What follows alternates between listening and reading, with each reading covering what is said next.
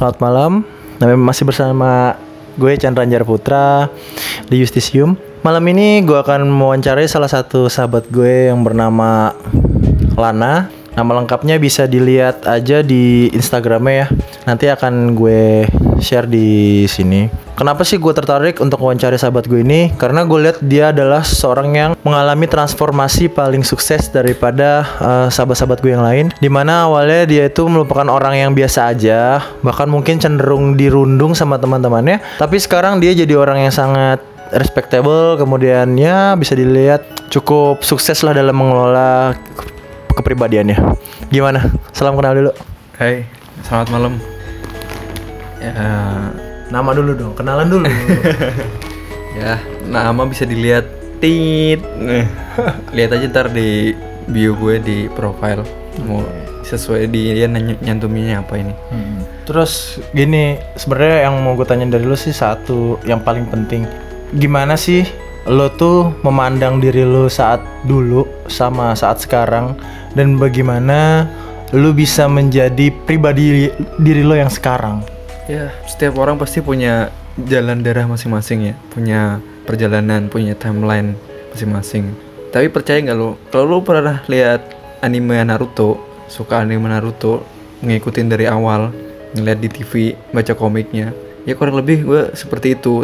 Ah, tapi ya nggak mirip-mirip banget.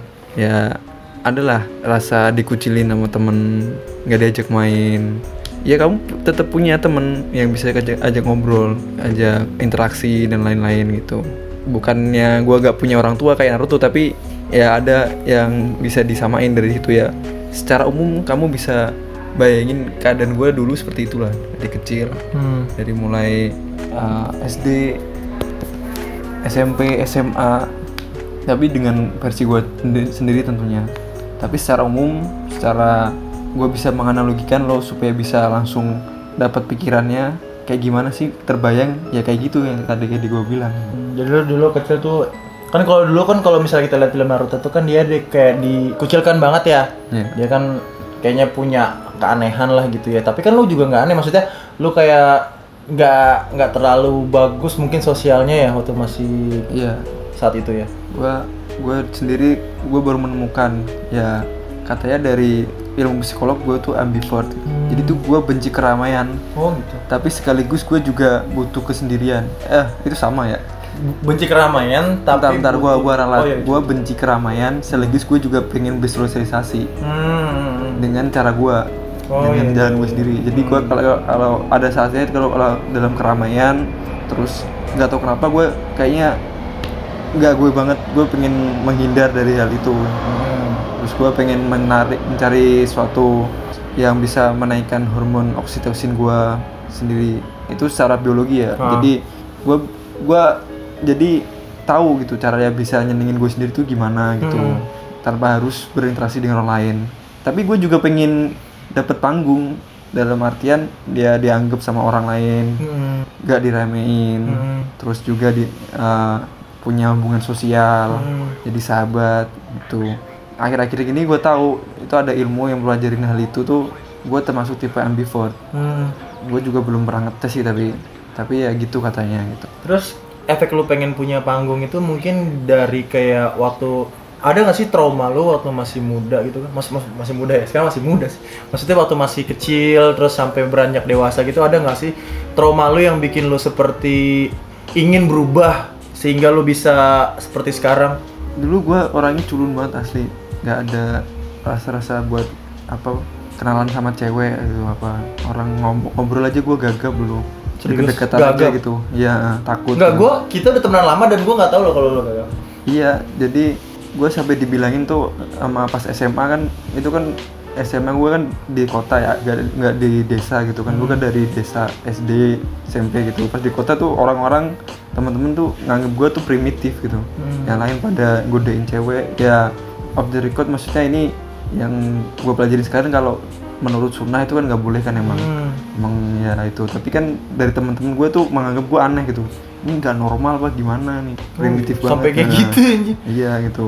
Ya nggak tahu kenapa semua lingkungan tuh menemukan gue supaya gue distinguish dari yang lain-lain gitu. Entah Gitu. itu dari segi gue pinter komputer ya gue gue sendiri sih. Tapi ya gue gue pikir sih nggak terlalu jago-jago amat. Entah itu gue rambutnya keriting sendiri atau yang lain. Jadi banyak pokoknya. Oke. entah lingkungan itu gua gua temuin tuh menemukan caranya tersendiri untuk mendistinguish gua dari orang-orang yang lain gitu. Dari dari sifat gua dari apa gua gitu. Jadi mereka selalu bisa membuat gua terpojok terus dengan itu. Terus tapi nggak tahu kenapa gua semakin dipojokin gitu gua bisa ini tetap menunjukkan Oh, prestasi Bener-bener. satu yang gue inget dulu waktu itu zaman smash kan Hmm. itu liriknya sampai sekarang masih inget banget gue. Jadi di liriknya itu bilang cacian lo gue cuci dengan senyuman prestasi ya. Hmm. Terus yang kadang bikin orang-orang aneh juga kadang gue udah dimusuhin gak apa tapi gue tetap baik sama mereka kayak nggak pernah terjadi apa-apa gitu tapi kalau orang lain gitu kayaknya dia udah musuh-musuhan gitu. Ya kadang juga malah orang lainnya yang bingung sama gue gitu. Ini orang aneh apa freak gitu kan? Ih gitu maksudnya. Jadi malah ini ya gue udah terlanjur cuek gitu jadi gitu sih. Dari awal SD juga gitu soalnya gue ya nggak tahu ini harusnya kekuatan ya. Terus Mm. jadinya malah kelamaan gitu. Jadi gue kan dulu SD tuh ranking satu terus dari kelas 1 sampai kelas 6 tapi tuh orang-orang tuh nganggapnya gue tuh individualis gitu. Gue dicontekin nggak mau. Kerja sendiri nggak mau. Tapi pas waktu SD itu ternyata ini bokap gue kan bapak gue tuh kepala sekolah di SD gitu. Jadi teman-teman gue tuh nganggapnya ya iyalah orang dia anaknya kepala sekolah gitu. Orang dia bisa di ini. Jadi bulian apa apa itu udah diarahin dua dari ini. Terus kayak dikojai gitu-gitu gue gitu teman-teman gue taunya kan gue pas waktu di kuliah mungkin apa ya. itu tuh dulu di, Sebenarnya dari dulu udah. kecil lebih parah malah itu waktu les masih siang itu anak-anak zaman SD gue belum tahu apa itu gue kayaknya udah maksudnya gue ngetrit perasaan ini dikucilin itu kayak ya udah gue emang kayak gitu jadinya Ya ampun. kadang orang tuh nyindir gue gue nggak diajak ngomong apa itu gue kira ya emang, orang Emang emang kayak gitu gitu iya, ya. jadi memperlakukan gue ya gue ya udah gue terima ya udah ya emang mungkin kayak gitu gitu ya mungkin ya ya Jadi efeknya waktu dulu kecil, Hmm. lu Tapi gue bilang tadi lingkungan gitu tuh ya. nggak tahu kenapa emang udah dari Allah juga gitu mungkin udah menemukan cara sendiri untuk mendistinguish gue gitu. biar lu tuh dibedain gitu ya. Gue udah coba segala apa gitu saran apa gue coba tapi tetap ada terus gitu. terus sampai suatu saat gue pas SMA ketemu quote-nya Mario Teguh gitu katanya, Hmm. katanya bersyukurlah kamu yang apa setiap kehidupanmu setiap babak kamu ditemukan ada obstacle atau orang-orang yang dia kuat atau istilahnya tuh teguh gitu membangun kamu menjadikan kamu uh, karang yang keras jadi kamu supaya bisa menjadi ombak yang tinggi untuk bisa menerjang mereka semua gitu. Itu quote-nya masih ada di, di Facebook gua kalau mau lihat di Facebook. Jadi ya by- day by day dari timeline gitu kayaknya gua jadi ini udah orang yang agak cuek gitu. Terus ya gitu. Bukan serta merta gue langsung meng, langsung terbentuk apa seketika maksudnya cuman langsung jadi gitu. Tapi Ah, itu dari dulu dari awal gitu gak tau kenapa emang itu perasaan gue sendiri atau yang tadi gue sebutin sesuatu banyak dah itu. Masa yang tadi itu. Itu pun di SD ya gue kan dari dusun kan yang sebelah gitu. Gue sekolahnya di SD sedangkan gue pas ngaji sore temen-temen gue sekolahnya di MI gitu. Ya gue dari pagi pas di SD ah jangan main sama itu. Dia beda dusun anak apa mejasem gitu kan ada kan. Sekolah gue di Bakung gitu. Eh pas sorenya sekolah ngaji zaman itu dia orang SD gitu sekolahnya di Bakung nggak sekolah di MI mejasem gitu. Ya itu salah satu contoh lah. Sebenarnya banyak lagi. Terus pas lagi main bola gitu-gitu juga oh, nggak dikasih bagian. Kamu jadi back aja ya ini ini. Gini padahal kalau maju kan ngegolin apa gitu nggak boleh katanya. Apa nanti kamu sakit kamu kan anaknya dokter kan ntar kalau kenapa-napa ntar aku diaduin disuntik apa gimana sama tua kamu apa apa ya udah oke gitu. Tapi kadang itu mikir kalau apa ya emang aku bersyukur sih tapi kadang ada beberapa saat itu ya Allah gitu. Kadang karunia yang kau berikan ku emang aku sendiri sih yang belum bisa memanfaatkan. Tapi kadang nggak sesuai pada tempatnya. Gue tuh pas kalau di desa tuh kayaknya dibilangnya tuh orang kota banget. Sekolahnya di luar terus apa gitu. Jadi nggak bisa agak bergaul. Obrolanku susah apa. Tapi ketika gue di kota orang-orang ngambil tuh gue dari desa dari udik gitu nggak bisa ini. Ya Allah.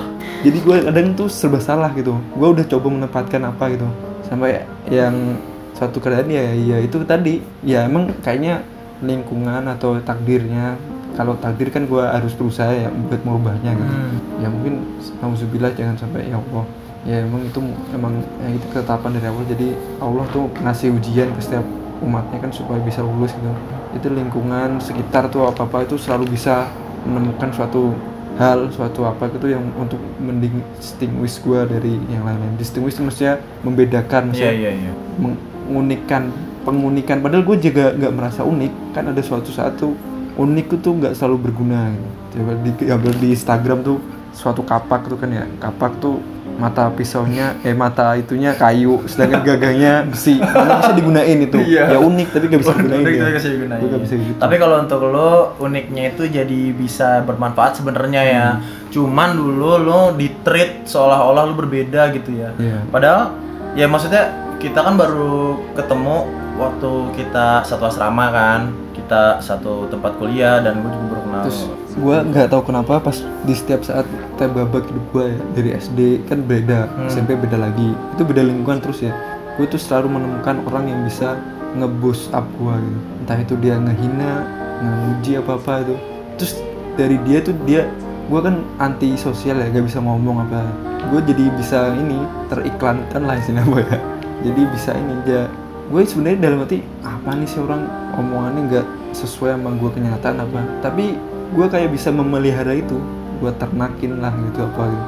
Jadi ya gue gue aja kayak gini tuh baru sadar bisa ngomong ini ternak atau apa gitu gitu. Terus gitu. Dulu tuh malah ini gue kadang suka kesel gitu apa.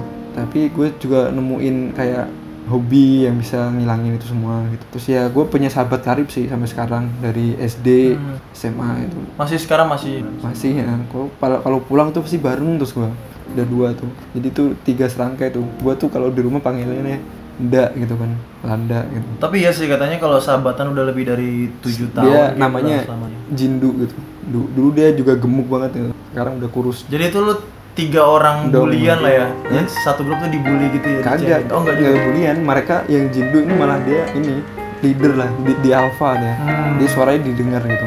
Ya mungkin gua beruntung pas gue gaul sama dia juga itu juga karena nggak sengaja sama-sama anaknya guru gitu. Nggak tahu kenapa emang emang di desa gue yang salah apa gimana kalau anaknya guru tuh kayaknya dianggap spesial terus sekaligus lemah gitu. Soalnya ini kan dimanja-manja mungkin terus biasanya lebih apa gimana. Ya itu mungkin masalah klasik terus ya. Mungkin pandangan gue doang tapi itu yang alamin Oke, itu masa ini lo ya. Hmm. Masa lo waktu sampai SMA lah ya. Terus transformasi lo waktu lo di asrama terus lo punya soft skill kan gini lo kan Hmm. lo kan dari awal banget dari nol banget tuh terus kan lo akhirnya waktu mahasiswa nih eh koreksi ya kan seinget gue kan kita satu angkatan lo jadi staff biro umum gitu kan. Terus lo mulai belajar soft skill mulai belajar manage orang. Terus tingkat tiga lu jadi kabaknya tingkat empatnya lu jadi kepala bironya gitu kan. Terus lu punya teman-temannya juga walaupun sering bercandain lo ngekoja ya istilahnya ya. Tapi lu juga nge-support lo walaupun dengan berbagai macam caranya. Ada nggak manfaat yang lu terima dari itu? Terus apa sih suka dukanya waktu lu masa mahasiswa? Jadi kita habisnya cerita mahasiswa terus lu transformasi pas mahasiswa pas ke sekarang Jadi gimana satu hal yang gue pegang ya dari dulu itu dari SD soalnya ada wali kelas dulu gue namanya Pak Muhaimin gitu. Jadi itu kalau belajar kalau apa-apa merepresentasikan tuh sekaligus gitu. Jadi yang dari yang paling bagus, dari yang paling sesuai biar bener terus long lasting gitu selamanya. Ya udah dari itu ya gue mengalami SMP bisa belajar terus apa dari SMA terus itu ya gitu gue nyari-nyari yang sesuai gitu kayak dulu tuh gue kan ini kan pas masuk SSN juga dulu pengennya ya ini yang dianggap lah gitu gue bi- bisa dianggap apa ya gitu gue kan dulu kan bodoh ah mau kelah apa aja yang penting bisa beli komputer beli laptop laptop bagus bisa main game gitu.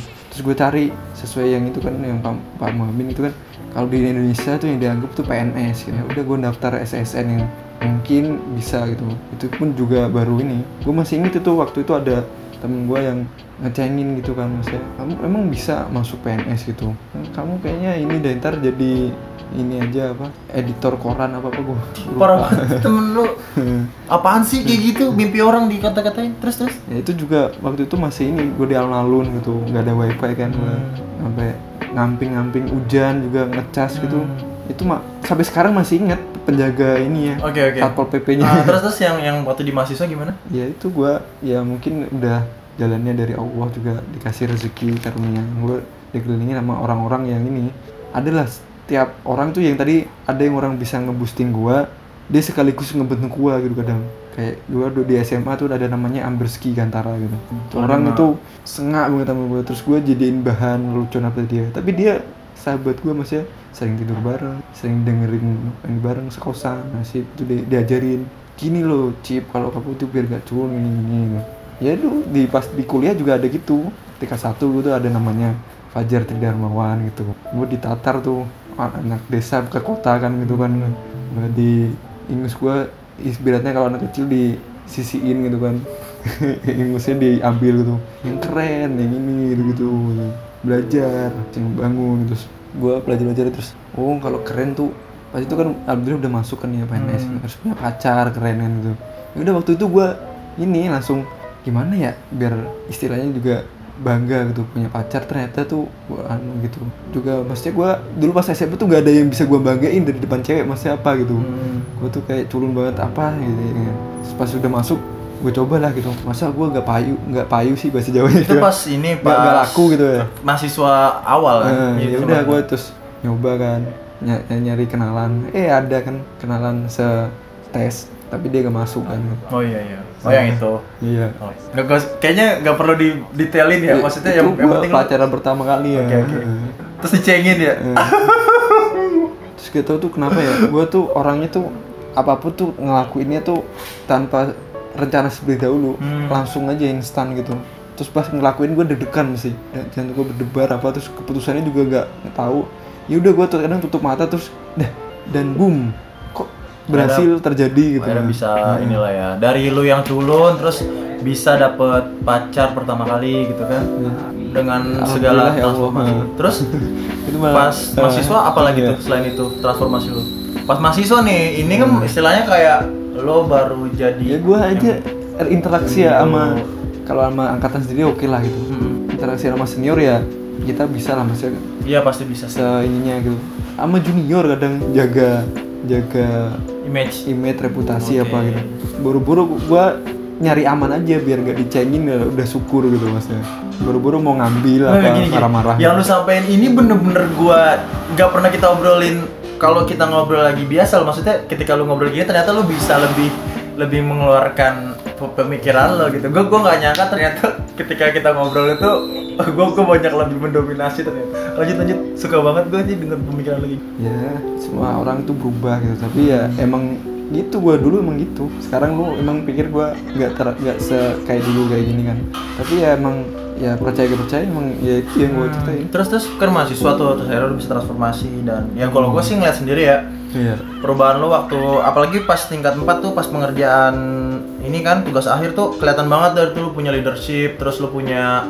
kayak visi gitu lu mau ngapain terus lu hasilnya gimana sampai akhirnya bisa lulus gitu. Nah itu gue lihat karena gue lihat itu cuma transformasi pas mahasiswa gue nggak nggak nyangka gitu ternyata waktu masih kecil juga lu dirundung. Nah maksudnya gue juga pernah dirundung waktu SD kan. Tapi udah gitu sampai SD cuma sampai kelas 4 setelah itu gue udah nggak dirundung lagi. Kalau ternyata lu ngerasa dirundung sampai SMA berarti gue juga lumayan kaget sih. Terus yang lu lakukan setelah setelah lu kan itu di mahasiswa udah keren tuh. Udah udah punya itu kan kasih sudah ngerti caranya ngomong public speaking terus ya udah bisa manage diri sendiri terus pas lu yang lu manfaatkan dari sana untuk bisa transformasi kayak sekarang itu gimana? Ya. sampai titik ini.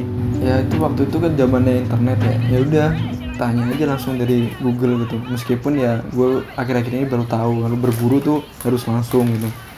Jadi menuntut ilmu tanpa guru tuh bagaikan apa membawa lentera gimana ya lupa ya pokoknya intinya ya gitu deh pokoknya. Tapi lu emang gurunya apaan Ya Bo- itu boleh tadi. boleh nggak? Boleh nggak nge-share gitu? Nah, ya lu lu boleh nggak nge-share dapat ilmu dari mana atau dari mana? Maksudnya kalau nggak nyebut brand juga nggak apa-apa. Maksudnya lu bisa dapat bisa lebih kayak sekarang gitu kan? Maksudnya gini loh orang yang nggak kenal sama lo itu taunya lu tuh udah udah maksudnya udah public speaking udah bagus terus dari maksudnya dari segi penampilannya oke terus dari otak juga ada gitu. Orang taunya gitu loh dari awal maksudnya nggak tahu loh lu bisa berubah berubah kayak gitu gimana ada nggak saran yang bisa lu sampaikan atau langkah lo untuk jadi seperti sekarang? Mulai dari lulus sih lulus dari kuliah ya? Ya ya ini sih dipaksa dipaksa terus dipraktekkan pra- pra- praktek kan membuat perfect gitu. Habis itu satu lagi ini imitasi gitu. Gua ini suka merhatiin orang-orang caranya gimana gitu. Ya udah gua lakuin gitu. Itu apa ya shortcut gitulah jadi langsung bisa diimplementasi langsung bisa dipraktekin gitu Terus boleh nggak lu share beberapa prestasi lo yang udah lu dapatkan di usia sekarang? Maksudnya kan dibandingin orang-orang yang sosial lo, lu bedanya di mana gitu? Maksudnya biar mereka juga tahu. Maksudnya gua nge ngajak lo ngobrol kayak gini biar tahu achievement lo tuh udah apa. ya kadang tuh gue suka risk taker ya jadi pengambil resiko gitu terus gue tuh nggak tahu ada seneng di hati gue kalau orang lain tuh nganggap remeh gue gitu padahal gue di atas mereka tapi ya menurut gue tapi ya kalau sebenarnya mereka di atas gue ya oke gitu tapi gue ada rasa ini terus gue nggak nggak ada suka pamer nggak gue omongin gue bisa ini apa ini tapi orangnya sadar sendiri kalau nggak diomongin orang lain gitu Oh iya. itu kayaknya ya oh, setiap orang kayaknya juga punya kenikmatan gitu Oh iya. ya itu juga kalau ada kesempatan ya kalau ada browsing apa gue tuh perbanyak ini feed feed gue kayak email subscribe subscribe apa gitu. Apa per- penawaran pelatihan ya itu contohnya. Apa terus aplikasi itu. Kalau mostly kan kebanyakan orang tuh dia kalau dengar kata bayar apa gitu langsung ogah kan langsung Hmm. tolak gitu. Kalau gue pelajarin dulu kalau oke bagus ini ya gue beli gitu gue ini sekalian gitu jadi gue bisa belajar dan dari situ juga gue bisa berubah gitu Hmm. ternyata pas itu ya bukannya gue endorse ya ada namanya kelas tit Oh gitu. iya iya iya. iya. nah itu Titik-titik sistem ya. oke. eh, ya ngajarinnya ngajarinnya juga pas banget sama Kebutuhan lo saat itu. kebutuhan terus dia berdasarkan referensi yang tepat yang Hmm. tadi core of the core lah kalau bahasa sekarang bisa di Oke oke.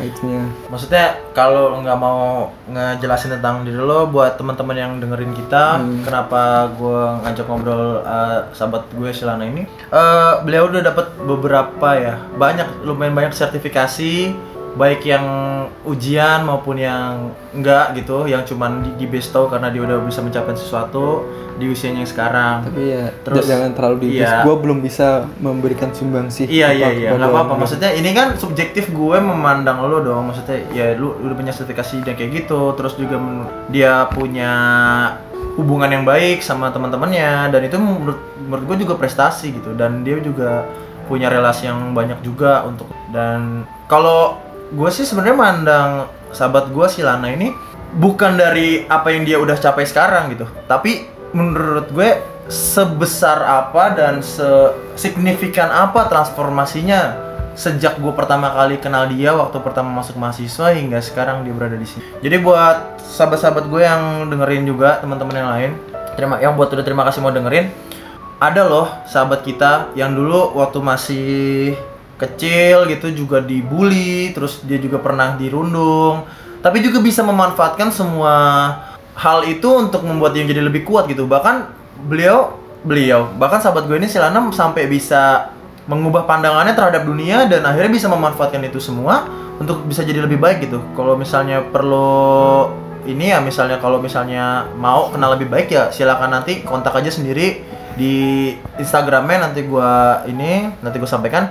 Dia akan sangat terbuka untuk berbicara dan ngobrol mungkin terkait masalah kehidupan berdasarkan uh, pengalamannya dia. Jadi buat teman-teman yang dulu mang, sampai sekarang merasa terkucil ataupun merasa dirinya itu dibully kok ah, saya kok dibedain banget ya dari orang-orang? Kok saya temennya ini ini aja? Kok saya nggak bisa lebih baik? Tenang aja itu sebenarnya cuma ada di, di pikiran teman-teman doang gitu teman saya yang ini udah ada contohnya yang bisa berubah jadi lebih baik bahkan sekarang mungkin lebih jauh lebih maju daripada teman-teman selevelnya gitu dan ini teman saya juga lagi ngerjain tesis loh untuk menuju master ngambil gelar masternya di salah satu universitas paling bergengsi di Indonesia. Ya sebenarnya sih ada beberapa kali gitu beliau udah coba mengajukan kayak sekolah atau sorkos luar negeri dan udah di ACC cuman karena keadaan jadinya nggak bisa diambil dulu. Bukan karena nggak mampu sebenarnya emang banyak banget. Jadi bisa untuk kontak langsung misalnya penasaran gimana sih orangnya sebenarnya kayak bisa kayak gitu bisa kontak langsung. Nanti disampaikan gitu aja sih. Ada nggak pesan ini? Pesan kamu Ya lupa Lana? semua ini ya udah udah 25 25 tahun ini hidup ya. Mm-mm. Ya itu bukan karena kemampuanku sendiri. Ya, eh, yang terbesar itu dari Allah. Apa pun eh, tersesatnya kamu, apa pun hilangnya kamu, apa pun kemaksiatan besar yang kamu lakukan, jangan pernah berhenti, jangan pernah putus asa. Kembalilah kepada Allah. Oke, terima kasih itu super sekali. Mungkin kalau dari saya untuk menutup obrolan kita malam ini adalah saya pernah denger quotes ya dari salah satu sahabat Nabi itu Ali bin Abu Thalib radhiyallahu an. Dia bilang nanti koreksi saya ya kalau saya salah. Dia bilang kita tuh nggak perlu menjelaskan diri kita kepada orang lain karena mereka yang membenci kita nggak akan peduli akan hal itu dan mereka yang mencintai kita dan menyukai kita apa adanya nggak butuh penjelasan dari kita itu aja terima kasih udah mau dengerin dari sahabat ju- saya juga eh, Lana coba terima kasih gitu ke ini saya ke pendengar Ya udah, terima kasih pendengar. Oke, terima kasih. Saya tutup dulu ya. Mudah-mudahan bisa tetap enjoy dalam setengah jam ini. Saya tutup selamat malam.